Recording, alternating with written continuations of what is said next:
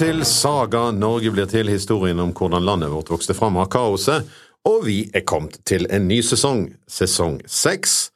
Og um, dette er episode 103, Herdebrei og skakk. Vi sier jo Saga Norge blir til, historien om hvordan landet vårt vokste frem av kaoset. Og akkurat nå føles det kanskje ikke akkurat sånn. Sånn på midten av 1100-tallet så føles det vel ikke som om landet vårt eh, vokser ut av kaoset, mer enn at det faller mer og mer inn i kaoset. Brødre som slåss mot brødre, kongsevner som dukker opp som paddehatter, og mangelen på et fungerende folkeregister og DNA-testing gjør at nær hvem som helst kan påstå at de etterkommer etter en eller annen konge. Og landets ressurser spises opp av stadige konflikter og kriging. Det er ikke rart at dette kalles borgerkrigstiden. Vi tenker på Norge som et fredelig, velorganisert, stille hjørne av verden, men sånn er det ikke på 1100-tallet. Det er kanskje en tankevekker at vi har akkurat det samme potensialet til kaos som land vi ikke liker å sammenligne oss med, hvis forholdet ligger til rette for det. Nå går vi inn i en tid der Norge har noen fellestrekk med for eksempel Afghanistan, Vårt Taliban er baglerne, kirkepartiet eller bispepartiet som har klare oppfatninger om hvordan folk skal oppføre seg, og hvilke regler som skal gjelde eksempel i ekteskap og familierett, og ikke minst arverett til tronen. Så har vi forskjellige krigsherrer som slåss om makten, og vi skal snart få en helt ekte geriljabevegelse i form av birkebeinerne. Utenlandske herskere søker også å utøve sin innflytelse, men to runder med dansk og én runde med svensk direkte styre så er det nå litt sånn at eh, nordmenn er lei og gjør opp seg imellom. I sesongavslutningen sist så hørte vi at eh, forbruket av konger i Norge på denne tiden er langt fra bærekraftig. Nå har nok en konge gått heden, nummer tre i rekken av Harald Gilles sønner, unnskyld, nummer fire, men én døde av faktisk helt naturlige årsaker. Håkon Herdebrei står igjen som seierherre på Oslofjordens is.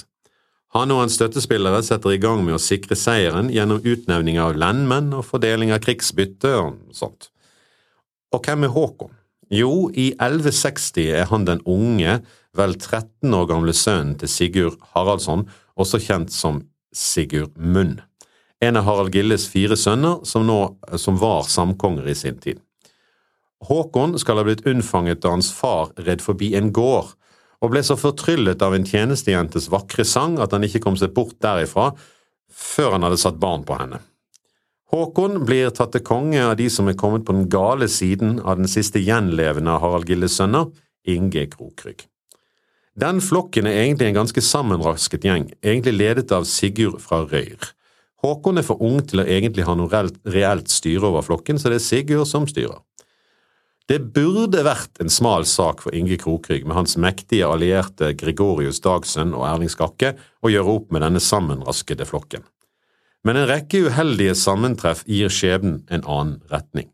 Det er litt som om Inge og nornene, eller skjebnevolvene, da, spiller terning. Og Inge slår stadig enere, mens nornene, som vi alle vet, bare spinner seksere. Først får Gregorius Dagsen det for seg at han ikke skal eh, drepe sin frende Sigurd fra Røyr, men heller la han dra hjem i fred etter slaget ved Elv.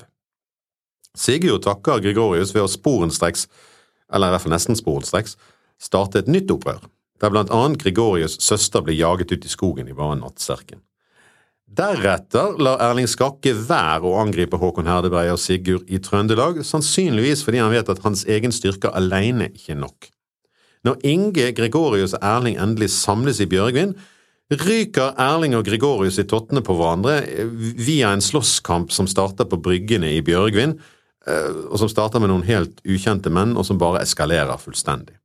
Inge får aldri forlikt de to helt, og når de hører at Håkon har dratt sørover fra Trondheim mot Viken, da drar Gregorius og Inge av sted, men Erling blir igjen. Fortsatt skulle dette være relativt greit, Gregorius og Inges samlede styrker skal avgjøre dette helt greit. Men så kastes det flere terninger. Når Gregorius og Inge får høre om Håkons aksjoner øst i landet, så velger Inge å bli i Oslo, mens Gregorius rasker ut på isen i Bohuslän for å slåss mot Håkon. Går gjennom isen og får en pil gjennom halsen, og det er ikke sunt, så dermed er han død, og Inge plutselig alene i Oslo. Når så Håkon angriper Inge i Oslo, velger Inge sjøl å lede hæren til tross for at han ellers alltid har overlatt det til andre, og til tross for at hans bror Orm er betydelig bedre kvalifisert. Likevel kunne det ha gått bra, hadde ikke vært for et nytt terningkast, der brorparten av hæren, hans styrker fra øyene i Vesterhavet, skifter side eller flykter. Dette er tilnærmet yatzy for Håkon, eh, selv om det siste kastet, at Inge Krokry blir forrådt, kanskje et eksempel på at den som forbereder seg best, ofte har mest flaks. Dermed utropes Håkon til konge, og Sigurd fra Røyr eh, blir snart jarl. Men det er å gjøre regning opp bitte lite grann uten vert. Håkon og Sigurd Røyr har nå kontroll i Viken foreløpig, men dette er midtvinter, så det nytter ikke å vasse gjennom meterhøye fonner nord til Trondheim.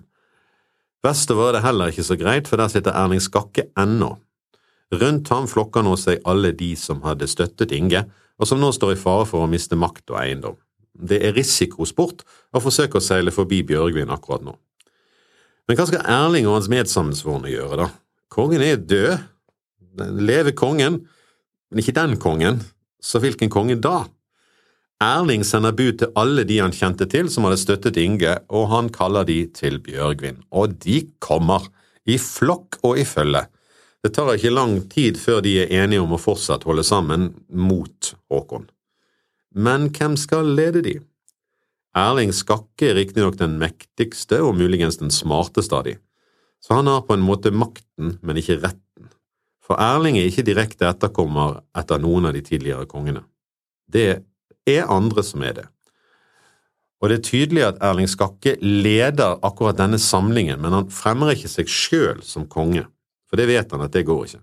Erling har i det hele tatt en nokså avansert og kalkulert tilnærming til dette, noe som tyder på at han har en klar plan om hvordan dette skal gå. Først er det Simon Skolps sønn som blir løftet fram. Han er dødt dattersønn av Harald Gilde. Han er bare barnet, så i dette tilfellet må det være Jon Halkjelsønn som må være leder for flokken, mens barnet blir barnekonge. Men Jon, han vil ikke. Han unnslår seg. Og så spør man Nikolas Skjalvarsund, Magnus Barfots søstersønn. Han svarer at han mener at en bør ha ta en av Kongseth som konge og den dyktigste mannen som leder for flokken, altså en slags general eller statsminister. Da vil det være lettest å få hjelp, så han unnslår seg også. Så spør de Arne Kongsmåg. Han er gift med Ingrid, og Ingrid har tidligere vært gift både med svenskekongen, med Harald Gille, altså den norske kongen, og med Ottar Birting, som ble drept eh, bak hjørnet på en kirke. Hun er altså moren til den avdøde Inge Krokrygg, og hennes sønn med Arne er Inges halvbror. Henger du med? Men i denne tiden så er en halvbror så god som noen bror. Men Arne har ikke styrken og innflytelsen til å lede, flokken. Vi har imidlertid ikke hørt det siste fra denne slekten i vår historie. Arne og hans kone skal skape enda mer historie om litt. Arne peker isteden på Erlings kone, Kristin. Og Kristin hun er jo datter av en enda tidligere konge, Sigurd Jordsalfar. De har en sønn, Magnus, som da bør bli konge, og hans far Erling er jo den sterkeste og slueste lederen for flokken. Der er en logikk i dette. Kristin er den som har den eldste kongen som sin far, altså den, den kongen som går lengst tilbake. Og Sigurd Jordsalfar er jo konge før Harald Gille og uh, alle disse andre. Problemet er nemlig at det egentlig bare er sønner av tidligere konger som har rett til kronen, sånn som Olav den hellige har satt retten fast. Men når man ikke har flere sønner, hvem tar man da? Tja, det er strengt tatt ikke helt sant at man ikke har flere sønner. Kristin, altså Erlings kone, har en sønn til, Harald Sigurdsson, og komplisert nok er han faktisk sønn av hennes fetter, Sigurd Munn. Altså, hun har hatt seg med sin fetter. Dersom han er i live, er det han som har størst arverett til kronen, for han er direkte sønn av en konge. For at Erlings sønn skal få retten, så må, man gå forbi denne Harald. Eller? Historien forteller at denne unge mannen blir drept før han blir voksen. Det rydder pent opp i arverekken, og det er nå klart at det er Magnus Erlingssønn som er nummer én på listen. Men hvem er det som dreper Harald? Harald blir hengt. Hvem som gjør det er litt uklart, men ettertiden vil hevde at det er Erling Skakke som står bak. Vi aner konturen av en ganske skruppelløs og hensynsløst ambisiøs mann. Hans stesønn, som barn, blir drept for å ikke stå i veien for hans makt. Harald er ikke engang voksen, som sagt, når det skjer, han er et barn. Vet Kristin, hans mor, om det? Det vet vi ikke, men mange mener at hun aldri får vite at det er Erling som står bak. Om det foregikk, dette møtet, slik Snorre beskriver det, er det kanskje ikke så langt fra sannheten å tro, men dette bærer preg av at Erling har størst styrke og nok har avklart dette på forhånd med de enkelte. Det vi hører om i Snorre er mer en oppsummering av det Erling allerede har avtalt med den enkelte før de samles, og for syns skyld gjennomfører denne tingprosessen. Men Erling er ikke fornøyd bare med at han blir valgt, som han sier. Den som tar på seg dette vanskelige verk, kan trenge å sette sterke skranker imot at han da støter på motstand eller fiendskap av de som nå er med i dette råd. Alle som er der, sverger troskap og støtte. Men Erling er ikke fornøyd ennå. Han fortsetter.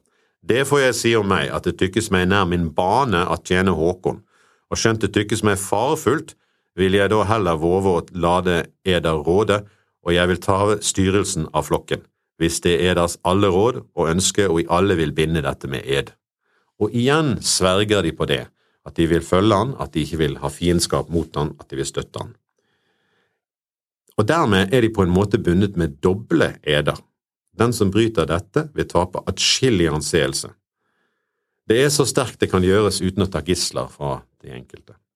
Erling Skakke og resten av Inges gamle allierte utroper nå Magnus Erlingsson som konge og Erling som leder for flokken.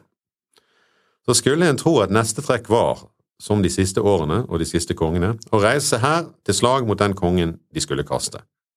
Men nei, Erling har tenkt litt lenger enn som så. Slag kan jo gå alle veier, som han nå har erfart med Inge og Gregorius, så Erling samler sine nærmeste allierte i ti skip og seiler til Danmark. Erling trenger sterke allierte, og han har én fordel. Kongen av Danmark, ingen ringere enn Valdemar den store, er fetteren til Kristin, Erlings kone. Her er mye slektskap her. Det gir en inngang Håkon Herdebrei ikke har. Likevel er det ikke nødvendigvis nok til å få en avtale. Hva de kommer fram til, er litt uklart. Oppfatningen er likevel at Erling reiser derfra med danskekongens støtte. Ifølge Snorre får han det ved å gi danskekongen rett på Viken, slik hans forfedre hadde det. Men det er ganske usikkert om dette faktisk er tilfellet, ikke minst fordi vi ikke helt finner denne kontrollen igjen seinere. Sikkert er det i alle fall at Erling og hans allierte etter hvert stevner nordover med en styrke. Kommer den fra danskene, eller er det bare en samling av Inge, Gregorius og Erlings gamle styrke? Har Erling avgitt Viken og fått styrker i betaling, eller har han bare avtatt at danskekongen skal holde seg i ro og gi støtte, mens Erling tar hånd om Håkon Herdebrei? Vi vet ikke. I mellomtiden har Håkon og hans egentlige leder Sigurd stevnet nordover med de skipene de har erobret fra Inge Krokrygg. De drar til Nidaros, selvfølgelig, og får Håkon hyllet som konge over hele Norge på ting der. Sigurd blir som sagt utnevnt til jarl. Sigurd jarl. Når de stevner sørover igjen, vet de, og har fått med seg, at Erling er dratt til Danmark og på veien så setter de en sysselmann i Bjørgvin, stakkars mann. Håkon drar til Tønsberg, men Sigurd drar øst til Kongshella, som er nær hans område, og for å verne landet dersom Erling skulle komme sørfra. For det er jo den veien tronpredentene har kommet de siste gangene, via Danmark inn i Skåne, opp Halland og så inn til Kongshella. Men Erling har ingen planer om å gå den veien. Nei, han seiler rett nord til Agder og straker veien hjem til Bjørgvin. Vi kan ane hvordan den sysselmannen Harald og Sigurd har satt i Bjørgvin, ser på sine sjanser når plutselig Erling Skakke seiler inn Vågen noen dager senere. Arne Brigdalskalle, som han heter, vet veldig godt at hans dager er talte, og han får ikke kommet seg unna før de blir det. Byen tar godt imot Erling, og den er full av hans frender og allierte, og det blir gjort kort prosess med Arne. Erling er igjen herre i Bjørgvin. Han blir der ikke lenge, han gjør vennereis med en gang, for i Bjørgvin får han sannsynligvis vite at, uh, hvor Håkon er, og at Håkon har gjentatt Inge Kroke Gregorius Dagsson sin feil ved å splitte sine styrker mellom Kongsheller og nå Tønsberg. Den sjansen lar ikke Erling gå fra seg, og setter kursen sør og østover. I Kongsheller og Sigurd er etterretningsvesenet under enhver kritikk. Sigurd Jarl har ennå ikke fått vite at Erling har seilt utenom han til Vestlandet. Han får heller ikke nyss om at Erling nå er på vei mot Viken. Sigurd ligger dønn stille i Kongsheller og venter på en innovasjon fra sør som aldri kommer. Dette er jo egentlig hans område, så han føler seg nok hjemme her.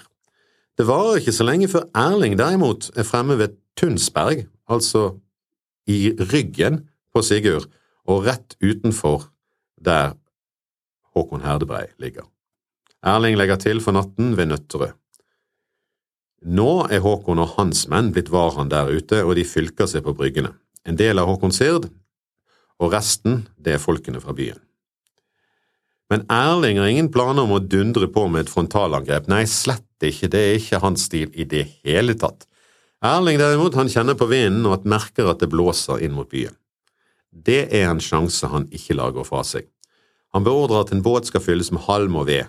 De fyller opp båten og setter fyr på halmen. Det blir gode flammer og enda mer røyk. Båten driver inn mot byen, men Erling får festet den i to andre båter slik at de har kontroll på hvordan den driver. Røyken er stor og tjukk og legger seg etter hvert tett over bryggen og hæren til Håkon. Det blir vanskelig å se, og det blir uutholdelig der inne i røyken. Det renner fra øynene. Nærmest blindet blir de stående og ane at flammene kommer nærmere og nærmere bryggen, hæren og byen. Byen er bygget av tre, så flammene truer nå hele byen. Men Erling har kontroll. Båtene bak sørger for at flammene ikke når helt inn til byen. I ly av røyken fra bålet fører Erling hæren opp på vindsiden av ilden. Håkons menn kan ikke se det gjennom røyken, de kan bare føle pilene som plutselig kommer farende gjennom røyken og treffer de. Men inne i røyken mister de både avstands- og retningssans og vet ikke hvor de skal skyte tilbake. Bymennene i hæren begynner nå å få mer og mer panikk ettersom flammene kommer nærmere og nærmere byen, og stadig flere faller for piler som kommer ingensteds fra og allesteds fra. Bymennene finner ut at nå gjelder det å berge det de kan av byen og seg sjøl, så de sender en prest ut til Herlings hær for å be om grid. Og Denne presten han skal da altså ha basket seg gjennom både røyken og varmen og pilene som flyger i alle retninger, og klart å komme seg både frem og tilbake forbi sverd og piler og spyd og alt det der. Nå vel, det er ikke helt sikkert at han gjorde det. Måten det beskrives på, er at han forteller bymennene at de har fått grid, men mest sannsynlig er det fordi Erling gir de det, og så snart de får den beskjeden, så vel, så stikker de av. Nå får Håkon Herdebrei kjenne på akkurat hvordan Inge Krokrygg må ha følt det ved Ekeberg når øyskjeggene forlot han. Guttekongen har selv ikke kommandoen over hæren, det er det en Ånund Simensen som har. Han ser bymennene flykte og kjenner pilene som farer gjennom røyken, og kommer til en klar konklusjon. Ikke vil jeg kjempe for å vinne riket for Sigurd Jarl når jeg ikke selv er til stede. Og så snur Ånund på hælen og løper sin vei. Med det legger hele hæren på flukt. Og som vanlig er dette noe av det farligste en hær kan gjøre, og mange blir hugget ned i flukten. Men Håkon og Ånund slipper unna opp i Vestfold. De tar seg etter hvert landeveien nordover til Nidaros og Trøndelag. De levnes passelig lite ære etter dette. For det første har Ånund tydelig gjort klart hvem det er han egentlig kjemper for. Det er ikke kongen, men jarlen. For det andre har han feigt flyktet, og det samme har bymennene. Som skaldene skriver, Magnus modige kjemper meget for opp i stretet, medens Håkons hærmenn hardt skyndte seg unna. Og en annen skald synger, Bymenn ved de lyse brodders flukt ble redde, de engstede seg for ilden og for albuer krumme. Kort og godt er både Tønsbergs innbyggere og Håkons menn til spott og spe i hele landet etter dette, når de nå med halen mellom beina flykter hjem til Nidaros. Sigurd Jarl får ganske snart nytt om dette pinlige nederlaget. Han kunne nå ha gjenopprettet æren ved å utfordre Erling med en gang, men det tør han ikke. Han seiler raskeste veien forbi Erling og nord til Trondheimen. Erling tar i mellomtiden som krigsbytte alle Håkons skip, som før var Inge Krokryggs skip, med de seiler han vestover igjen og tar kontroll over Viken, Agder, Rogaland og Hordaland, før han er hjemme i Bjørgvin igjen. Ja, de tar også for godt mål og dreper lendmannen i Sogn. Og slik sitter de nå en stund. Der samles hærer på begge sider, i Trondheim og i Bergen, eller Bjørgvin, og våren 1162 ber Håkon og Sigurd ut Leiang for å fare mot Erling. Erling gjør sine forberedelser i Bjørgvin, det brygger opp til storslag. Det er ingen tvil om hvem som er den slueste av de, men hva skal avgjøre denne kampen? Erlings sluhet og taktiske mesterlighet, eller Trøndelagens styrke og størrelse? Vi får se i neste episode. Vi avslutter som vanlig med et vers fra overmål, og det blir to vers denne gangen fordi de henger sammen. Betre å leve enn livlaus væra, kvikk fer alltid ku. Bål for rikmannen brenne eg så, lik fyre døri låg. Er du halt, kan du ri, handlaus gjete, er du døv, kan du duge i strid. Blind er betre enn brent å være, dau munn en lite duger. Kort sagt, det er bedre å være levende enn død. Mitt navn er Tom Christer. Kim Andreassen har satt bak spakene her i Radio Aske studio. Du kan sende spørsmål og kommentarer til tom.christer.gmail.com.